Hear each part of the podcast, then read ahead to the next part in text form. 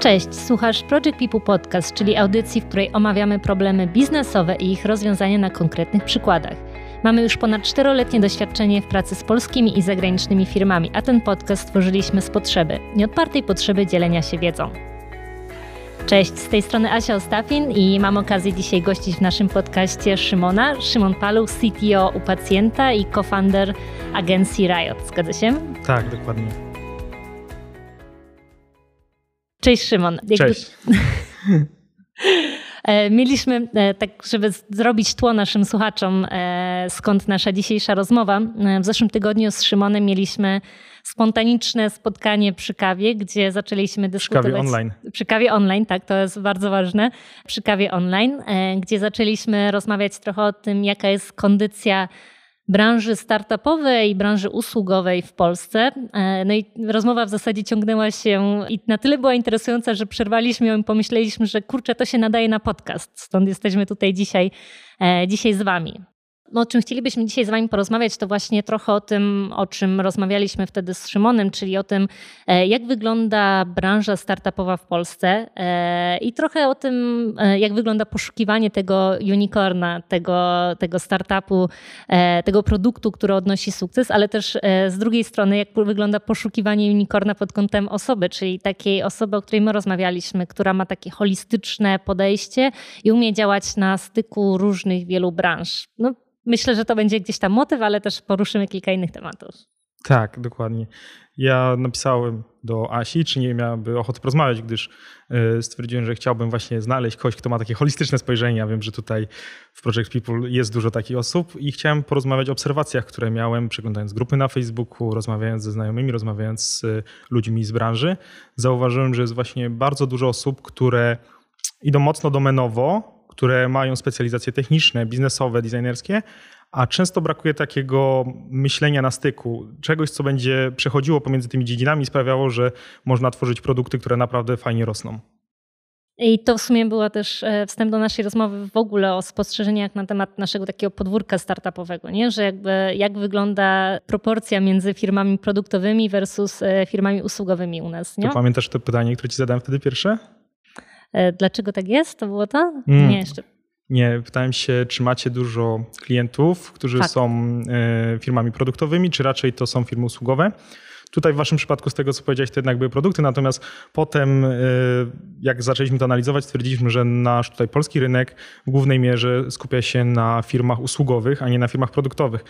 E, dzisiaj gdzieś jak to analizowałem, stwierdziłem, że pewnie gdybyśmy przeszli sobie tutaj ulicą e, pod budynkiem, znaleźlibyśmy pewnie pięć software house'ów i żadnej firmy produktowej. Tak, ja się z tym zgodzę. W sensie tych produktów jest faktycznie mało. Mm, no my mamy okazję pracować i z branżą usługową, i z branżą produktową. Natomiast wydaje mi się, że siłą rzeczy z produktami więcej, no bo my dużo e, pracujemy ze startupami. E, I to z takimi startupami mm, zarówno na samym początku drogi, e, więc tutaj mamy ogrom różnych pomysłów, idei, które raz wypalają, raz nie wypalają. Nie? Jak i pracujemy trochę ze startupami też, które są już po jakichś rundach finansowania, są trochę bardziej dojrzałe. No i tam już te kompetencje wyglądają zupełnie inaczej. Nie? Bo też no właśnie dużo tych firm wypala? No, tak ja bym powiedziała, że chociaż się mówi, że już ta statystyka, że 8 na 10 firm e, upada tych startupowych, to jest już nieprawdziwa, to ja bym powiedziała, że jednak mimo wszystko jesteśmy dalej blisko tej statystyki. Jakby nie prowadzimy u nas, tej, no, nie prowadzimy u nas w sumie takich, e, takich liczb, nie sprawdzamy sobie tego. Natomiast tak bardziej z mojego czucia. Ja pewnie, nie wiem, mentoruję w okolicy 50 startupów e, rocznie e, w ramach różnych e, startup weekendów, różnych programów akceleracyjnych, w ramach pracy z naszymi klientami.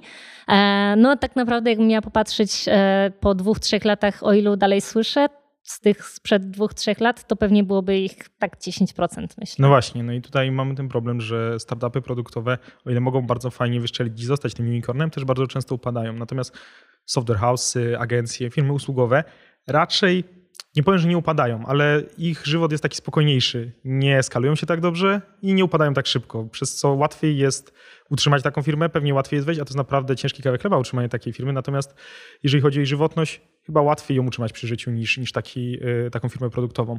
I to może być jeden z powodów, dla których nie mam aż tak wielu, przynajmniej moim zdaniem, startupów. Na to, na ile się mówi o, o całym środowisku, o całej branży startupowej w Polsce, już parę lat temu zaczął się bardzo duży hype na, na robienie własnych produktów, własnych firm. to jednak tak na dobrą sprawę te firmy, które osiągnęły wielki sukces, to można policzyć na palcach dwóch rąk. Potem na kolejnych palcach dwóch rąk możemy policzyć te, które gdzieś może nam się obiło uszy, istnieją, ale ten sukces nie jest tak duży, jakby wszyscy myśleli. A potem cisza. Dużo tych małych, o których nikt nie słyszał, dużo tych, którzy byli i nagle ich nie ma. Natomiast jeżeli powiemy o software house'ach, to jest ich naprawdę na pęczki.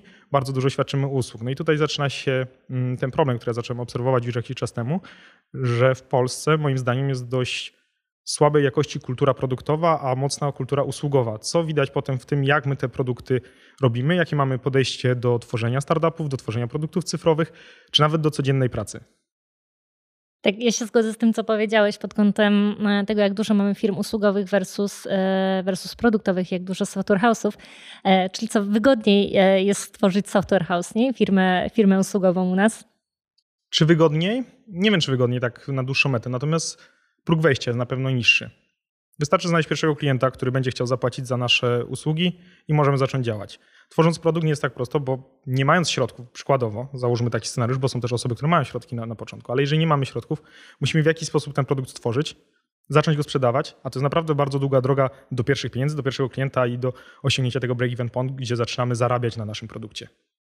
No i właśnie, bo mamy taką sytuację, nie? Jakby na samym początku wydaje się nam, że o, otworzę sobie firmę usługową, bo właśnie to, co powiedziałeś, jest dużo, dużo prościej. I mamy masę software house'ów, małe, małych zespo- masę małych zespołów e, designerskich, e, takich, które są w stanie wspierać e, twórców produktów, e, bo jest prosto to zrobić. Wystarczy mieć jednego klienta, dwóch klientów i jakoś to będzie. E, masz doświadczenie w, w branży usługowej również, więc wiesz, że utrzymanie później takiego coraz większego zespołu to wbrew pozorom w firmie usługowej jest no ciężka orka często, nie? Jakby to jest to ogrom pracy, to jest To jest problem skali, nie? Tutaj mamy coś takiego, że jeżeli mamy produkt, który zaczyna nam e, przynosić zyski, jeszcze jest to produkt najlepiej na jakimś rynku B2C, gdzie mamy dostęp do dużej ilości klientów, jego skalowalność jest stosunkowo duża, więc e, przychody, które zaczynamy w końcu osiągać, czy inwestycje, które zaczynamy zdobywać, są na tyle na, tak bardzo rosnące, że jesteśmy w stanie faktycznie nasze zespoły szybko i mocno poszerzać. Natomiast w przypadku usług najczęściej wzrost jest dość mocno liniowy. Nie? Tutaj im mamy więcej projektów, tym potrzebujemy więcej pracowników.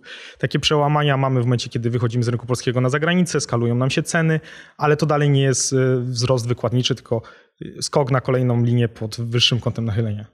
No i dochodzi do takiej sytuacji, którą ja też obserwuję, czyli masa właścicieli software house'ów, czy jakichś tam mniejszych, większych zespołów designersko-deweloperskich, e, którzy chcą mieć własny produkt. Nie? I jakby co stoi na przeszkodzie, żeby one miały swój produkt, jak myślisz? No tak, i też zacząłem to obserwować, szczególnie jeżeli udało się zbudować jakąś poduszkę finansową, tak żeby właśnie pozwolić sobie na, na stworzenie własnego produktu. Często też jest sytuacja, gdzie zespoły tworzą produkt na potrzeby własne, jakieś narzędzie wewnętrzne i zaczynają je sprzedawać. Natomiast usługi charakteryzują się bardzo często tym, że są domenowe, czyli mamy tutaj software house'y, które zajmują się technologią, mamy agencje kreatywne, które bardziej idą w stronę designu, mamy firmy, które skupiają się na tym, co robią najlepiej, a tworząc produkt, my nie możemy się skupiać tylko na jednej rzeczy. Jeżeli mamy software house, który ma super programistów, on zatrudniając najlepszych programistów może być najlepszym software house'em, ale zatrudniając tylko najlepszych programistów nie, nie stworzy najlepszego na świecie produktu. Brakuje mu domen w innych częściach, w których nie jest wyspecjalizowany.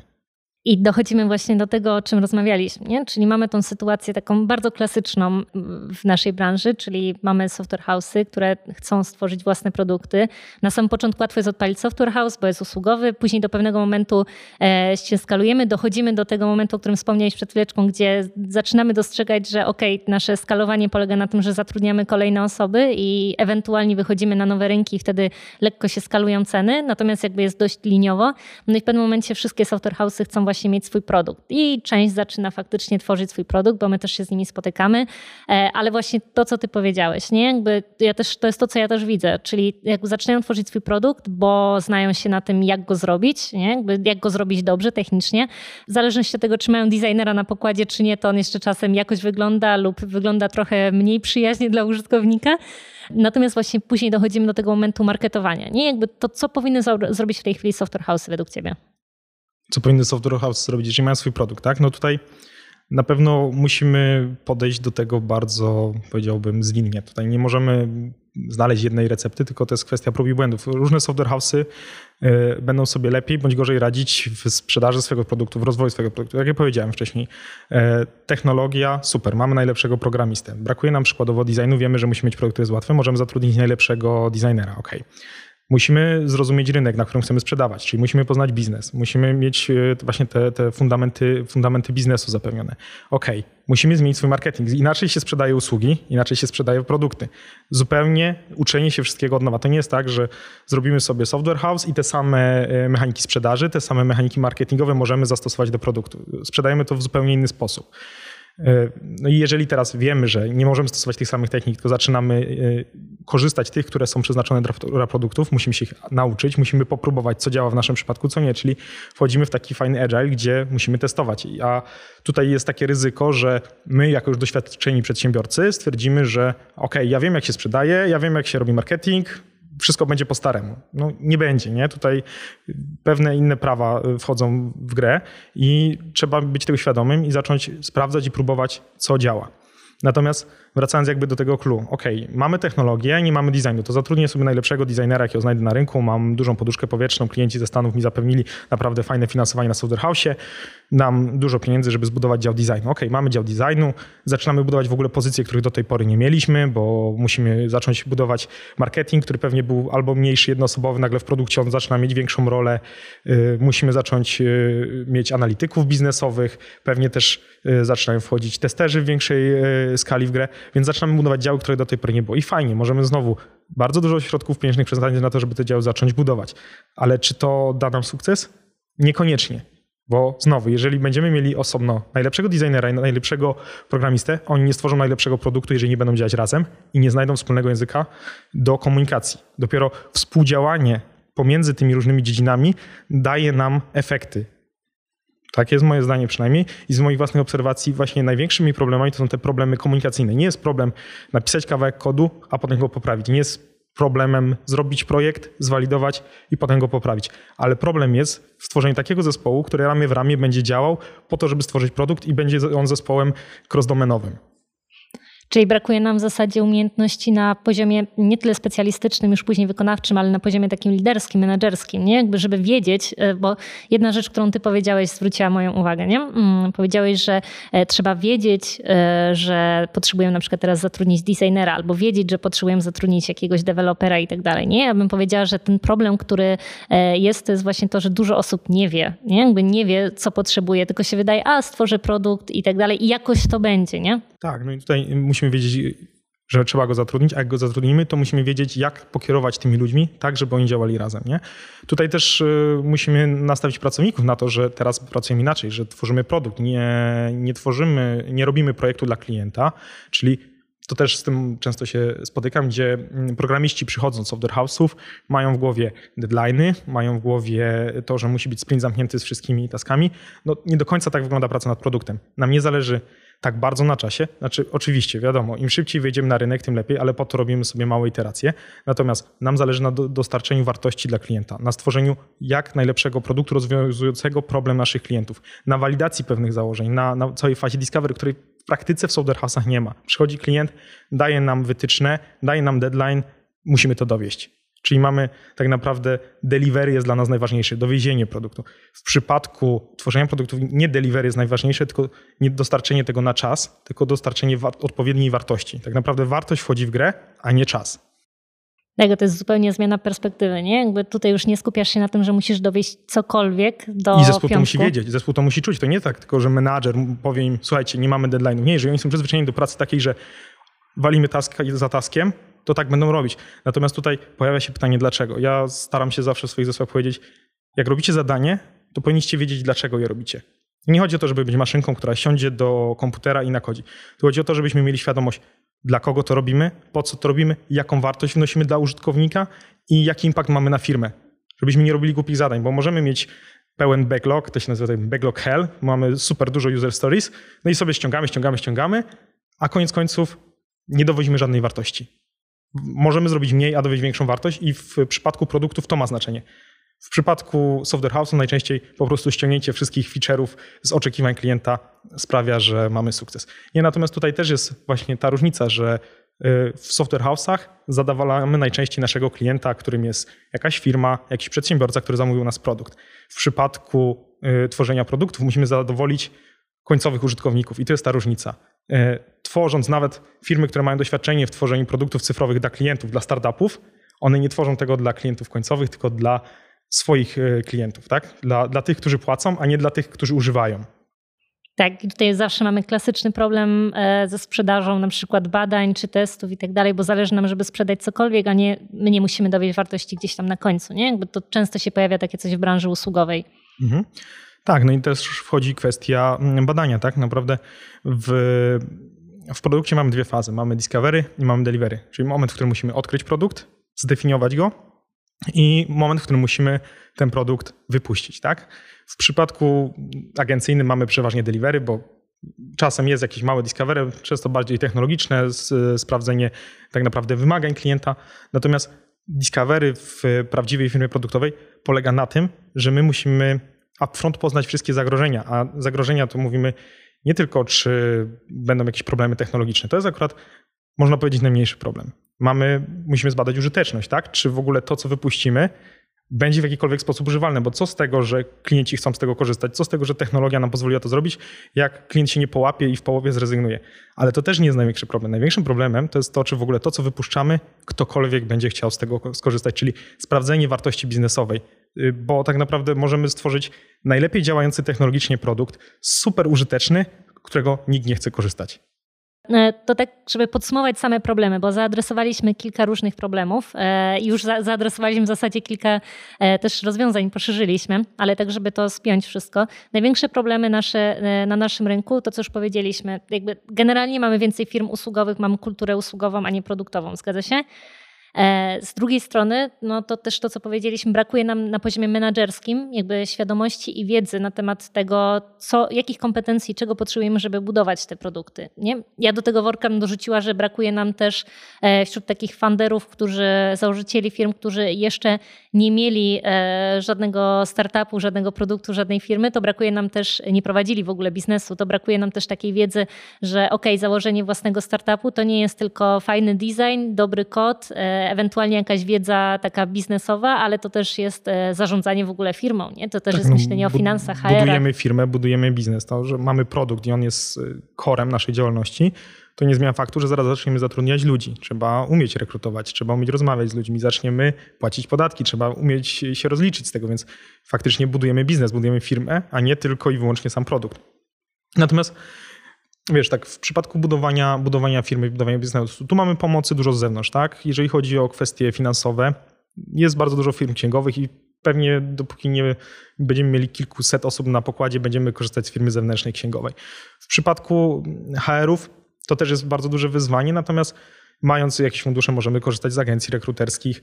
Na początek pewnie troszkę trzeba będzie samemu porobić, ale potem znajdziemy jakąś osobę jedną do HR-u. Na początek bardzo wystarczy.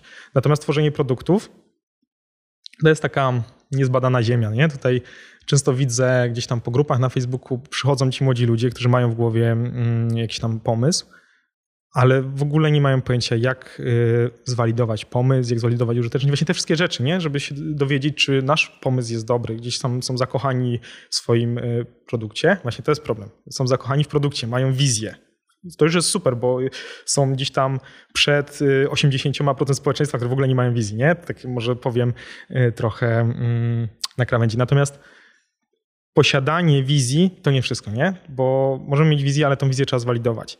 I zakochanie w produkcie tutaj może nam utrudnić życie, bo tak naprawdę mamy wizję, mamy ten produkt, ale się okazuje, że nie do końca wszystko jest tak, jak sobie to wymarzyliśmy. I tutaj Nasza wizja najczęściej jest rozwiązaniem czyichś problemów, bo po to robimy produkty, po to robimy biznes, żeby rozwiązywać problemy naszych użytkowników, naszych klientów. I jeżeli zdefiniujemy dobrze sobie ten problem, clue jest po to, żeby być zakochanym w tym problemie, żeby wiedzieć, jak go rozwiązywać, jak go optymalizować, a nie w samym produkcie, bo produkt się będzie zmieniał i to też ja bym namierzył jako taki główny problem funderów, że oni mają jedną wizję i trzymają się jej kurczowo, nieważne co się dzieje. Idą potem na spotkanie z inwestorami, przedstawiają liczby. Widziałem wiele takich arkuszy, gdzie te liczby były naprawdę naciągane, ale ci ludzie wierzyli. Ci ludzie wierzyli, że te liczby tak będą za rok wyglądać. A zgadnij, ile razy tak to wyglądało? Jeden na dziesięć. Żeby tylko.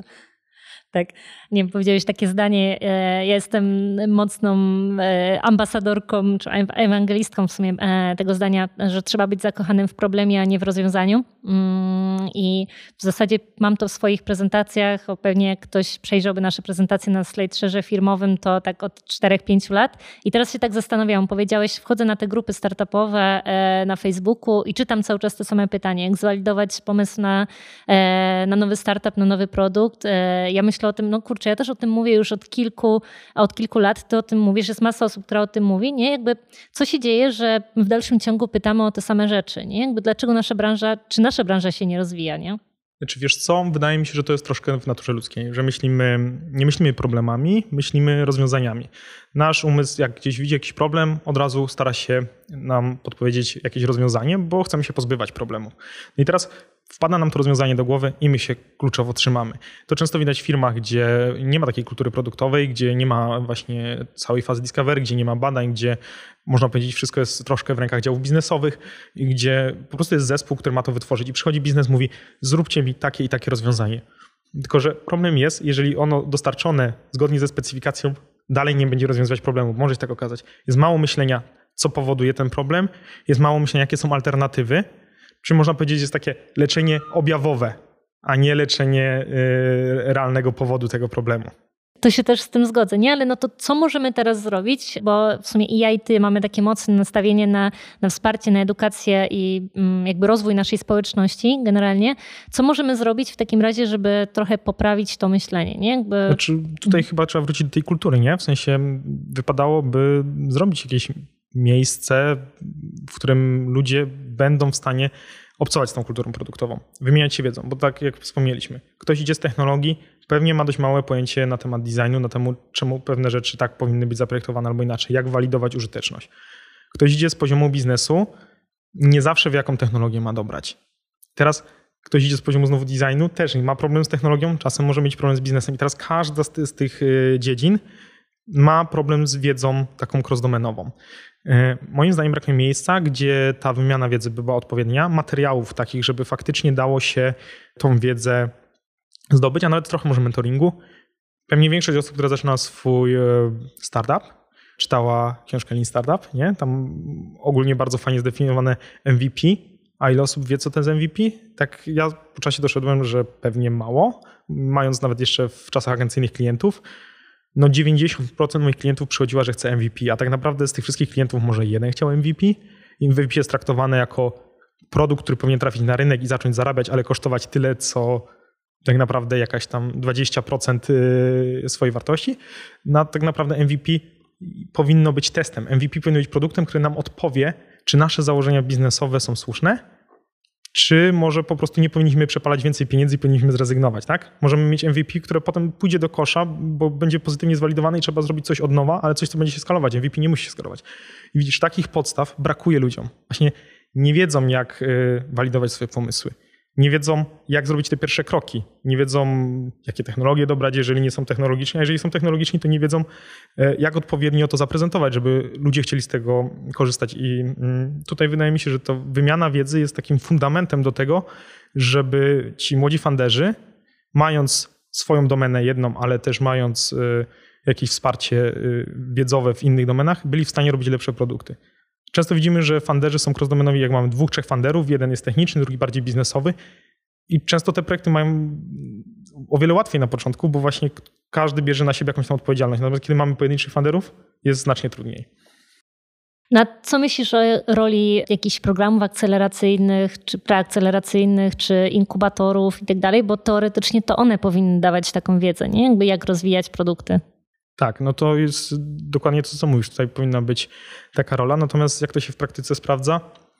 Ja mam takie troszkę mieszane zdanie. Na przykład sam e, brałem udział w akceleratorze i powiem szczerze, dużo mi to dało wiedzy. Ja byłem, ja byłem osobą technologiczną, tak? I tutaj y, dla mnie wiedza biznesowa, którą tam dostałem, to był naprawdę coś dużego. Ja siedziałem, wychodziłem z każdych spotkań ze szczęką na podłodze, jak sprzedawać, jak robić marketing, jak e, w ogóle nawet takich właśnie, tak jak mówię, kwestie księgowe.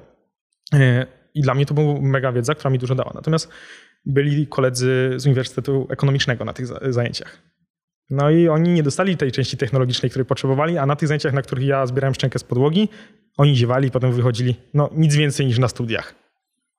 Znowu mamy tak, że zależy, kto prowadzi akcelerator. Jeżeli mamy domenę akceleratorową technologiczną, pewnie będzie troszkę nacisk na technologię. Jeżeli mamy domenę biznesową, będzie nacisk na te ekonomiczne. No i nie ma takiego, znaczy ja nie spotkałem, nie mówię, że nie ma takiego fajnego cross-domenowego środowiska. Tak, ja widzę podobny problem, e, patrząc po tych startupach, które do nas przychodzą i często opowiadają jakby po różnych akceleratorach, e, czyli w zależności od tego też jaka jest edycja, to taka jest specyfika akceleratorów, że skupiają się mocniej to na marketingu, to na sprzedaży, to na technologii, to na designie, to na prawie, to na księgowości. E, natomiast no jakby w dalszym ciągu mamy mało tych produktowych. No, a inaczej, patrząc na to, że są osoby, które odpowiadają generalnie za produkty nie? w firmach, project managerzy, product ownerzy to, to są osoby, które teoretycznie wiedzą, jak zarządzać e, produktem. Nie? Jakby, e, po, może zacznijmy od tego, jaka jest różnica w ogóle. E, znaczy, bo tak, mamy kilka, kilka stanowisk, niektóre są definiowane, inne są niezdefiniowane. Na przykład to, co ja widzę, że w Polsce bardzo jest mało pozycji product managera, jest bardzo słabo zdefiniowana. Natomiast project managerów już jest dużo, scrum masterów mamy dużo, product ownerów też trochę jest. No jak klasycznie, jak się na to spojrzy, Najczęstszą z tych wymienionych przeze mnie pozycji to jest project manager. Ich chyba jest najwięcej. Ma to odzwierciedlenie właśnie w tej kulturze usługowej. Project, project manager, klasyka w software house'ie. Mamy osobę, która ma dopilnować tego, żeby właśnie terminy się zgodziły, żeby gdzieś tam zasoby pomiędzy zespołami były dobrze, dobrze y, rozlokowane, czyli mamy te projekty, muszą być nie produkty, projekty, czyli projekt musi skończyć, a projekt skończony sukcesem to jest taki, który klient podpisze, akceptuje odbiór, projekt zakończony. Czy produkt tam był dobrze zrobiony, to jest jakby mniej istotne. Ważne, żeby był podpis klienta na zakończonym projekcie. Mamy dalej Scrum Master, no to tutaj nie ma aż tak chyba dużej roli, w, jeżeli chodzi o projekty i produkty chyba też nie, bo to jest bardziej wsparcie zespołu, przynajmniej tak z czysto skramowej definicji. Ktoś, kto, kto harmonizuje tą pracę zespołu, usuwa przeszkody, więc jest to bardzo wewnętrzna rola. Następnie mamy product ownera. No i tutaj się zaczynają trochę, trochę schody. No bo jak to wygląda w przypadku product ownerów y, w Polsce? Spotkałem się z różnymi definicjami i z różnymi wizjami product ownera. Znam software house'y, które mają swojego product ownera. Szczerze powiedziawszy, nie za bardzo wiem po co, y, bo taka klasyczna definicja product ownera to jest ktoś, kto powinien y, harmonizować backlog po to, żeby storiesy, które dostarczamy, dawały jak największą wartość w ramach sprintu, w ramach potem całego jakiegoś milestona. Także odpowiada za to jaka jest priorytet, jaka jest kolejność tak naprawdę w realizowanych pracach, po to, żeby właśnie maksymalizować wartość produktu. No i teraz w przypadku takiej klasycznej współpracy software house z, z klientem, Product owner w mojej opinii powinien być po stronie klienta, no bo on odpowiada za to, co chce osiągnąć. W przypadku firm produktowych też dobrze mieć taką rolę, bo jest to osoba, która finalnie będzie mówiła, mamy teraz priorytet na tym, bo to nam da największą wartość. Ona nie działa tak bardzo z zespołem, oczywiście rozmawia z nimi, jest na spotkaniach, nie harmonizuje samej pracy zespołu, to są project managerzy, to e, scrum masterzy pomagają, natomiast mm, ten product owner ja odpowiadam za kontakt z biznesem, ja odpowiadam za to, co robicie, w jakiej kolejności. No i teraz tak naprawdę mając product ownera trochę nie mamy potrzeby posiadania product managera i tutaj się nam to zaczyna trochę wykluczać. Bo product manager tak naprawdę, jeżeli sobie poczytamy książkę Inspired Martiego Hegana, jest to osoba, która odpowiada za kształt produktu. I jaka jest różnica? Bo teraz mo można sobie powiedzieć, ok, no ale przez to, że product owner mówi, co mamy robić, to też odpowiada za kształt produktu. No i tak, tutaj się to wyklucza w pewien sposób. Natomiast w takim klasycznym podejściu, takim można powiedzieć, yy, tworzenia produktów, biznes definiował produkt. No i biznes mówił, chcemy mieć takie feature'y, chcemy osiągnąć to. No i przychodził product owner, on rozmawiał z biznesem, on ustalał z nimi priorytety, ha harmonizował sobie to, patrząc jak zespół pracuje, jak, e, jak szybko dostarcza. No i pod to ustawiał backlog, po to, żeby cele biznesowe były realizowane. Czyli on był takim punktem stykowym pomiędzy, bo to jest przeważnie, że powinna być jedna osoba, która jest odpowiedzialna za to, żeby dowieść jak największą wartość i jest to punkt stykowy pomiędzy zespołem a mm, biznesem. Natomiast w przypadku, kiedy wprowadzamy product managera, w ogóle pozbywamy się jednej osoby łącznikowej. Wtedy tak naprawdę powinniśmy mówić o produktowym trio, czyli designer, developer i product manager, czyli trzy osoby, które celem jest stworzenie jak najlepszego produktu. To oni rozmawiają z biznesem, jeżeli robimy coś dla biznesu, ale jeżeli robimy coś dla klientów, to oni już nie rozmawiają z biznesem, oni rozmawiają z klientami. Na nich jest odpowiedzialność, żeby dowieść jak najlepszy produkt pracując wspólnie. No i tutaj mam designera, który powinien zaprojektować, powinien wytestować użyteczność. Mamy dewelopera, który powinien zbadać zagrożenia technologiczne, a potem komunikacji z resztą zespołu deweloperów dowieść ten produkt. No i mamy product managera, który tak naprawdę spina to wszystko poprzez sprawdzenie, czy założenia biznesowe się sprawdzają, czy mamy odpowiednią wartość biznesową, czy w ogóle, bo też żebyśmy nie mylili. Raczej product designer będzie sprawdzał użyteczność, ale nie będzie sprawdzał, czy dany produkt ma wartość biznesową dla użytkownika końcowego. To jest odpowiedzialność product managera. To on powinien wiedzieć, czy to, co robimy, ma sens, czy robimy tylko po to, żeby sobie to zrobić. Jakbym tu powiedział, że to jest jego odpowiedzialność główna w tym zespole. On powinien być najbardziej cross-domenowy, powinien łączyć te, te wszystkie światy, mieć podstawową wiedzę z technologii, przynajmniej podstawową, tak samo z designu, wiedzieć, jaki jest rynek, w jakim biznesie działa, znać swoich y, użytkowników, wiedzieć, jakie mają potrzeby i jak można je zrealizować te potrzeby i jak można rozwiązać problemy finalnych użytkowników. Brzmi jakby product manager był takim rozwiązaniem właśnie na te problemy, o których rozmawiamy e, nieco, nie? Czyli jakby tą osobą właśnie na styku. A ilu znasz product managerów? No właśnie się miałam zapytać teraz, e, ilu znasz product managerów e, i jeszcze ilu znasz product managerów, którzy zrobili własny produkt, nie? I czemu nie ma ich tak dużo? To jest, wydaje mi się, to jest właśnie to rozwiązanie, to rozwiązanie. To jest właśnie to, o czym rozmawiamy. Nie jest rozwiązanie, nie? W sensie to, to jest jeden ze sposobów, nie? Tak, tak. jakbym powiedział. Bo ja nie krytykuję tutaj podejścia y, z product ownerem, który jest y, stykowany na zespole. Po prostu on sprawdza się w troszkę innych warunkach, kiedy mamy faktycznie y, mocny wpływ biznesu na, na produkt. I może być tak, natomiast w przypadku większości B2C jesteśmy w przypadku większości projektów B2C jesteśmy w przypadku, w którym to, jak powinien wyglądać nasz produkt, mm, definiują nasi użytkownicy. I tutaj przydaje się rola product managera. Tak, ja e, zdecydowanie się z tym zgodzę. Ja w ogóle mi kiedyś było bliżej podejścia e, tego, że designer, e, znaczy ja dalej jestem zwolenniczką tego podejścia, że generalnie dobry product designer powinien jednak trochę właśnie stać na styku, z racji tego, że właśnie też czułam, że brakuje nam takich product managerów generalnie u nas w zespołach w tej chwili. To przynajmniej jak ja rozmawiam z różnymi product designerami, no to uważam, że oni powinni zwracać uwagę z jednej strony na perspektywę użytkowników, racja, ale z drugiej strony powinni uwzględniać perspektywę, perspektywę biznesu właśnie przez to, to, że brakuje nam najczęściej tej kompetencji product managera. Ale, nie? ale widzisz też, tak, jest jak mówisz, natomiast ja jestem wielkim fanem angażowania jak na wcześniejszym etapie, czy to dewelopera, czy nawet jakiegoś testera, ponieważ y, oni mają takie podejście często ścisłe, często widzą pewne rzeczy, których y, inni nie widzą z racji właśnie na pracę, którą wykonują, na to, w jaki oni sposób pracują. I dopiero zaangażowanie każdego z tych osób, które kogoś, kto ma ogólnie szeroki pogląd, wie o co chodzi w produkcie, wie o co chodzi u, w użytkownikach, wie o co chodzi w biznesie, kogoś, kto wie jak projektować i jakie są dobre zasady projektowania, kogoś, kto wie jak działają systemy, zaangażowanie tych trzech osób potrafi dać najlepsze rezultaty. Ten collaborative thinking, gdzie trzy osoby razem z różnym doświadczeniem potrafią stworzyć coś lepiej niż jedna osoba, która myśli, że wszystko wie. Tak, e, mnie nie musisz przekonywać, ja jestem fanką e, linii UX-owego podejścia, gdzie jakby z góry założenie jest takie, że zespół powinien składać się z e, bardzo holisty, holistycznie pokrywać proces i z wielu różnych kompetencji. Nie? Więc jakby ja jestem ogromną fanką tego podejścia. Ja w ogóle bardzo lubię angażować już marketing od samego początku, czy osoby, które odpowiadają za kontakt, obsługę klienta. Zdarzyło mi się na, przy takich sprintach, jak my pracujemy, angażować nawet osoby, które odpowiadały za księgowość czy, czy prawników, więc to już w ogóle jest super super, jeżeli możemy na, na tyle holistycznie podejść, więc jakby ja się jak najbardziej z tym zgadzam. Mm. Dora, to tak, e, żeby zacząć, mm, zacząć powoli spinać pewne tematy, bo pewnie e, nasi słuchacze, jak nas słuchają, to, to widzą, że otworzyliśmy tutaj wiele wątków. Puszkę Pandory. Tak, moglibyśmy gadać o tym pewnie jeszcze e, spokojnie drugie tyle, a może jeszcze nam się kiedyś uda, bo już rozmawialiśmy z Szymonem o tym, że może jakiś webinar, może jakaś społeczność. No i tutaj właśnie. myślę, że też właśnie z wami chętnie byśmy porozmawiali, bo mam przynajmniej taką nadzieję, część z was też chętnie uczestniczyłaby w takich rozmowach i swoje przemyślenia, swoje doświadczenia mm, włożyła do tej dyskusji. Tak, a my byśmy byli bardzo chętni, więc jeżeli ktoś nas słucha i chciałby z nami również pogadać, to, to może łapać mnie albo Szymona, bo pewnie chętnie byśmy się zaangażowali w dyskusję, co możemy zrobić, żeby właśnie więcej produktów powstawało u nas nad Wisłą i żebyśmy byli w stanie wytworzyć tak naprawdę fajną wartość też jako społeczność. No dobra, ale tak wracając do naszego podsumowania.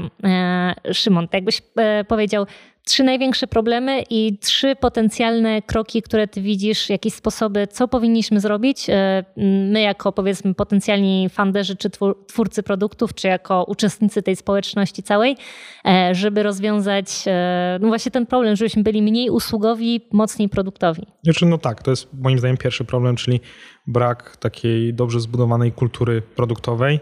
Duże piętno, w sumie chyba w każdym z nas odciska ta kultura usługowa. To jest pierwszy problem. Drugim który wiadomo jest z nim związany, chyba każdy problem tutaj będzie z tym związany, jest kwestia wiedzy, wymiany wiedzy. Nie posiadamy często jako młodzi fanderzy wiedzy spoza swojej domeny. Jesteśmy skupieni właśnie tylko na swojej domenie. I tutaj trzeci problem, który widzę, to jest komunikacja. Nawet jeżeli my nie posiadamy wiedzy, a ktoś inny ją posiada, to mamy problem, żeby dojść do porozumienia, żeby zacząć mówić jednym językiem z ludźmi, którzy posiadają e, wiedzę w miejscach, gdzie my mamy jej braki. Tak, ja bym pewnie jeszcze dorzuciła, że mam problem, żeby rozpocząć tą komunikację w ogóle. Nie, jakby przynajmniej ja się spotykam często z takimi pytaniami, ok, to z kim warto byłoby porozmawiać, a nawet jak już wiemy, z kim warto byłoby porozmawiać, to mimo wszystko dalej mamy taki opór, żeby po prostu zapytać się tych osób. Nie, ja mm, przynajmniej z mojego doświadczenia e, osoby, które mają duże startupy, czy mają duże biznesy, osiągnęły fajny sukces, też chętnie dzielą się swoją wiedzą, tylko po prostu często ludzie nawet nie pytają, nie? Mhm. Teraz rozwiązanie, tak? Bo to też pytałaś. Mhm. Na pewno, co poleciłbym takim funderom, dużo czytać, szczególnie rzeczy spoza swojej domeny, właśnie po to, żeby tą wiedzę zdobyć. Czyli jeżeli jesteśmy techniczni, fajnie, że wiemy, jak projektować systemy, ale sprawdźmy, jak je walidować, jak je projektować. Sprawdźmy, jak, jaki mamy rynek, jaki biznes, w jaki biznes wchodzimy. Czyli nauczmy się troszkę tego, czego, co jest poza tym naszą strefą komfortu, można tak troszkę powiedzieć. Tak, pierwszy, pierwszy taki pomysł. Mm, drugi, rozmawiajmy. Rozmawiajmy z ludźmi doświadczonymi i to właśnie nie tylko ze swojej wiedzy. Znajdźmy sobie ludzi, którzy osiągnęli dużo właśnie w tych innych dziedzinach. Zobaczmy, jak oni działali, co robili. Może porozmawiajmy. Tutaj się przydają różnego rodzaju meetupy, różnego rodzaju konferencje. I trzecia taka rzecz.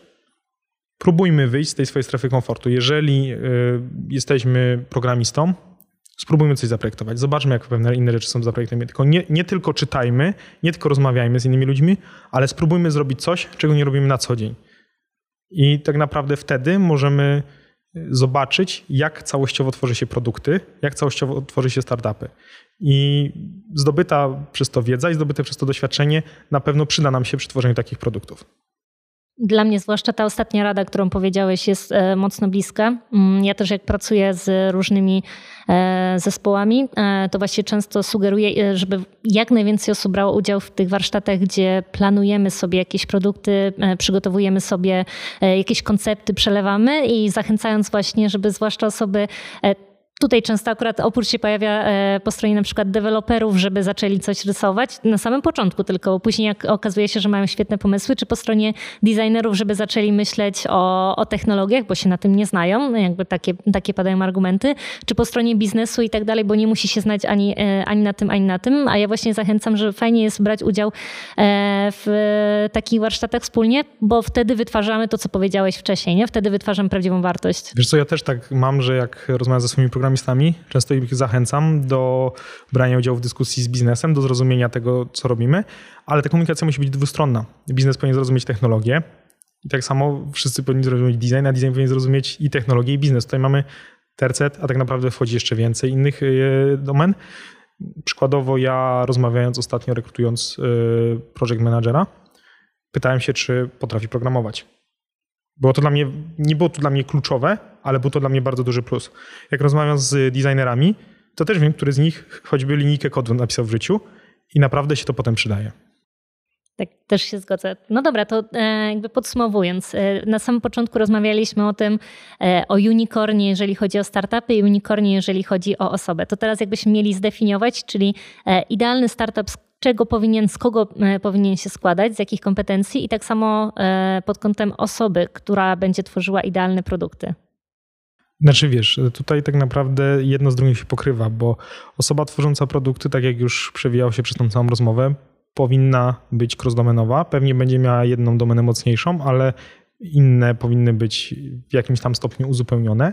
Najlepiej, jeżeli też będzie miała wsparcie wśród funderów albo wśród innych osób pracujących dla niej, którzy wypełnią te luki i będą potrafili się między sobą komunikować.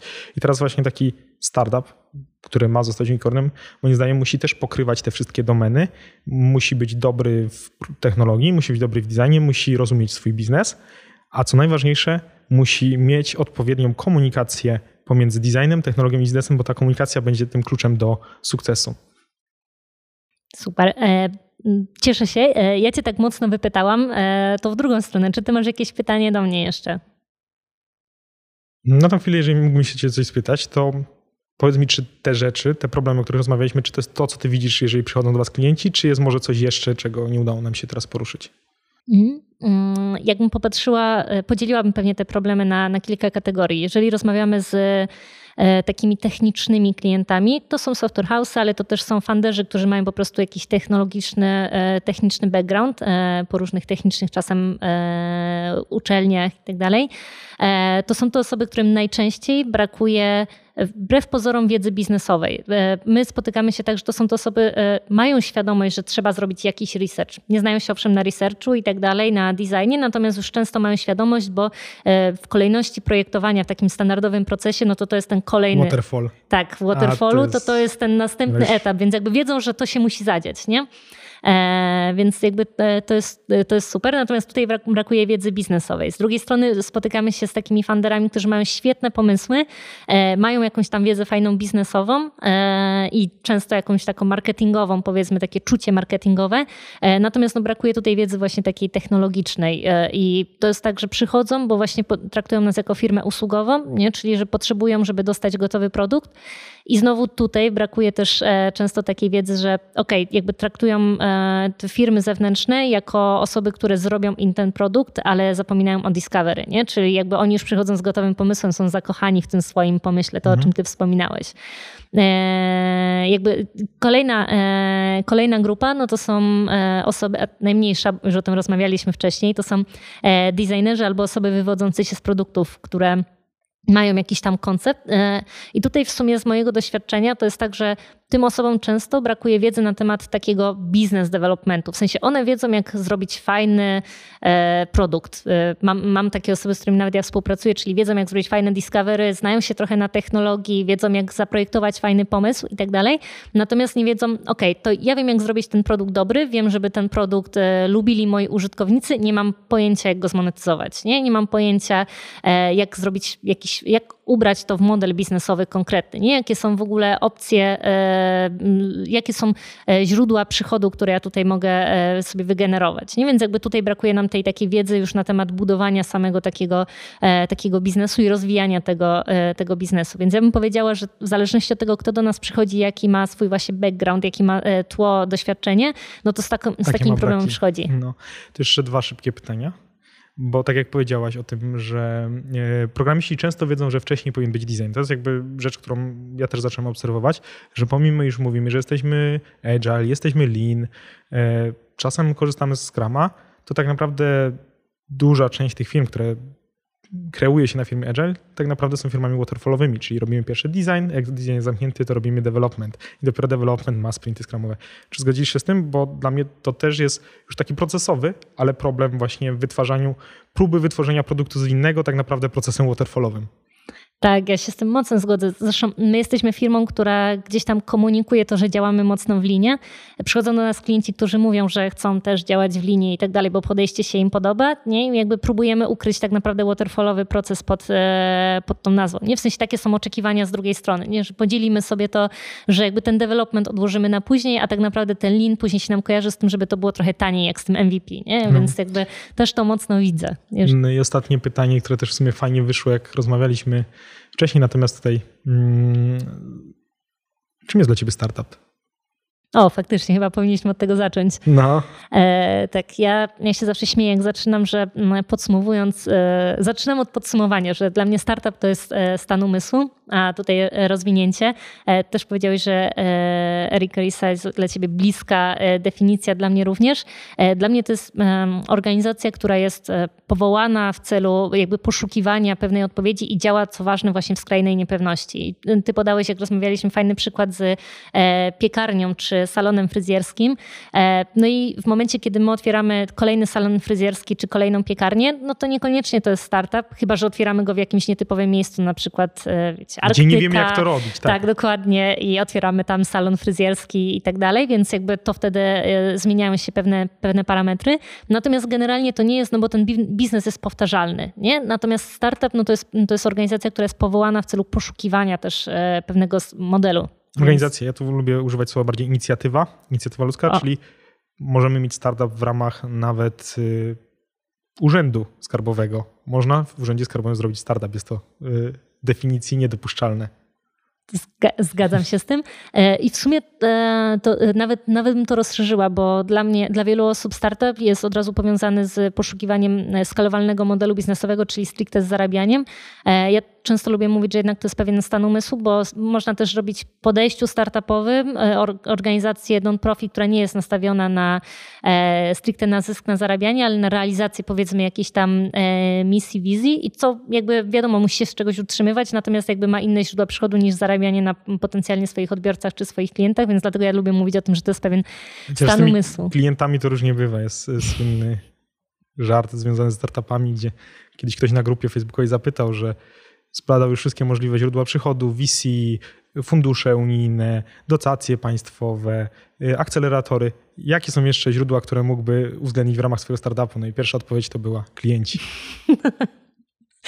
niestety najmniej oczywista, ale temat jakby finansowania, którego tutaj nie poruszyliśmy. No i myślę, że jest... mogłoby już nam jeszcze troszkę zejść, także to jest zupełnie na inny tak. E, odcinek. Tak, tak. E, no to co, to ja Ci bardzo dziękuję, e, Szymon, za rozmowę. Mam nadzieję, że nasi słuchacze wyciągną trochę z tego, e, jakie możemy znaleźć różne sposoby, rozwiązania jakie są bolączki tak naprawdę naszego podwórka startupowego i podwórka produktowego tutaj w Polsce.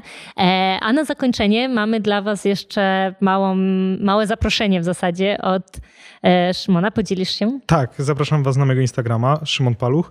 E, na co dzień dzielę się tam tym, jak budujemy produkt u pacjenta, jak działam w środowisku startupów, swoimi przemyśleniami na temat tego właśnie, jak prowadzić e, produkty cyfrowe. I tutaj chciałbym Was zaprosić do konkursu, który będzie ogłoszony na Instagramie. Myślę, że będzie trwał przez około tydzień i będzie bardzo fajna nagroda, ale to już musicie wejść do mnie i zobaczyć o co chodzi i co fajnego może Was tam czekać. Tak, a ja bardzo polecam. Mogę też polecić śledzenie e, Szymona na LinkedInie, bo wrzuca bardzo, bardzo wartościowe posty e, z różnymi przemyśleniami. Podkreślam, że Szymon jest e, CTO, ma doświadczenie technologiczne, pracował w firmie usługowej, produktowej, a wrzuca świetne posty z takimi przemyśleniami na poziomie biznesowym, menedżerskim, więc warto jest czytać różne takie perspektywy. Ostatnio właśnie mi dużo osób zarzuca, że za mało technologii umieszczam w swoich pisach. O, jestem wielką, wielką fanką Twoich wpisów właśnie przez to. Więc zdecydowanie polecam. A jeśli kogoś interesują tematy e, związane z rozwojem produktu, jak testować swoje pomysły, swoje hipotezy, to my też staramy się tworzyć dużo materiałów na ten temat i edukować, e, więc możecie zobaczyć e, sporo wpisów na naszym blogu, na naszej stronie internetowej projectpeople.pl, zerknąć na nasze LinkedIny, również osobiste, bo każdy z nas dzieli się wiedzą. Tak naprawdę trochę, staramy się przynajmniej trochę na styku, czyli na styku marketingu, biznesu, designu, researchu, bo to jest to, co, w którą stronę my też staramy się rozwijać. A jeżeli ktoś szuka konkretnych narzędzi, to na naszego SlideShare'a, gdzie wrzucamy prezentacje z różnych naszych warsztatów, a tam krok po kroku jest rozpisane, jak korzystać z różnych narzędzi, które mogą się przydać w rozwoju biznesowym. No i co, dzięki za dzisiejszą rozmowę. Również dziękuję.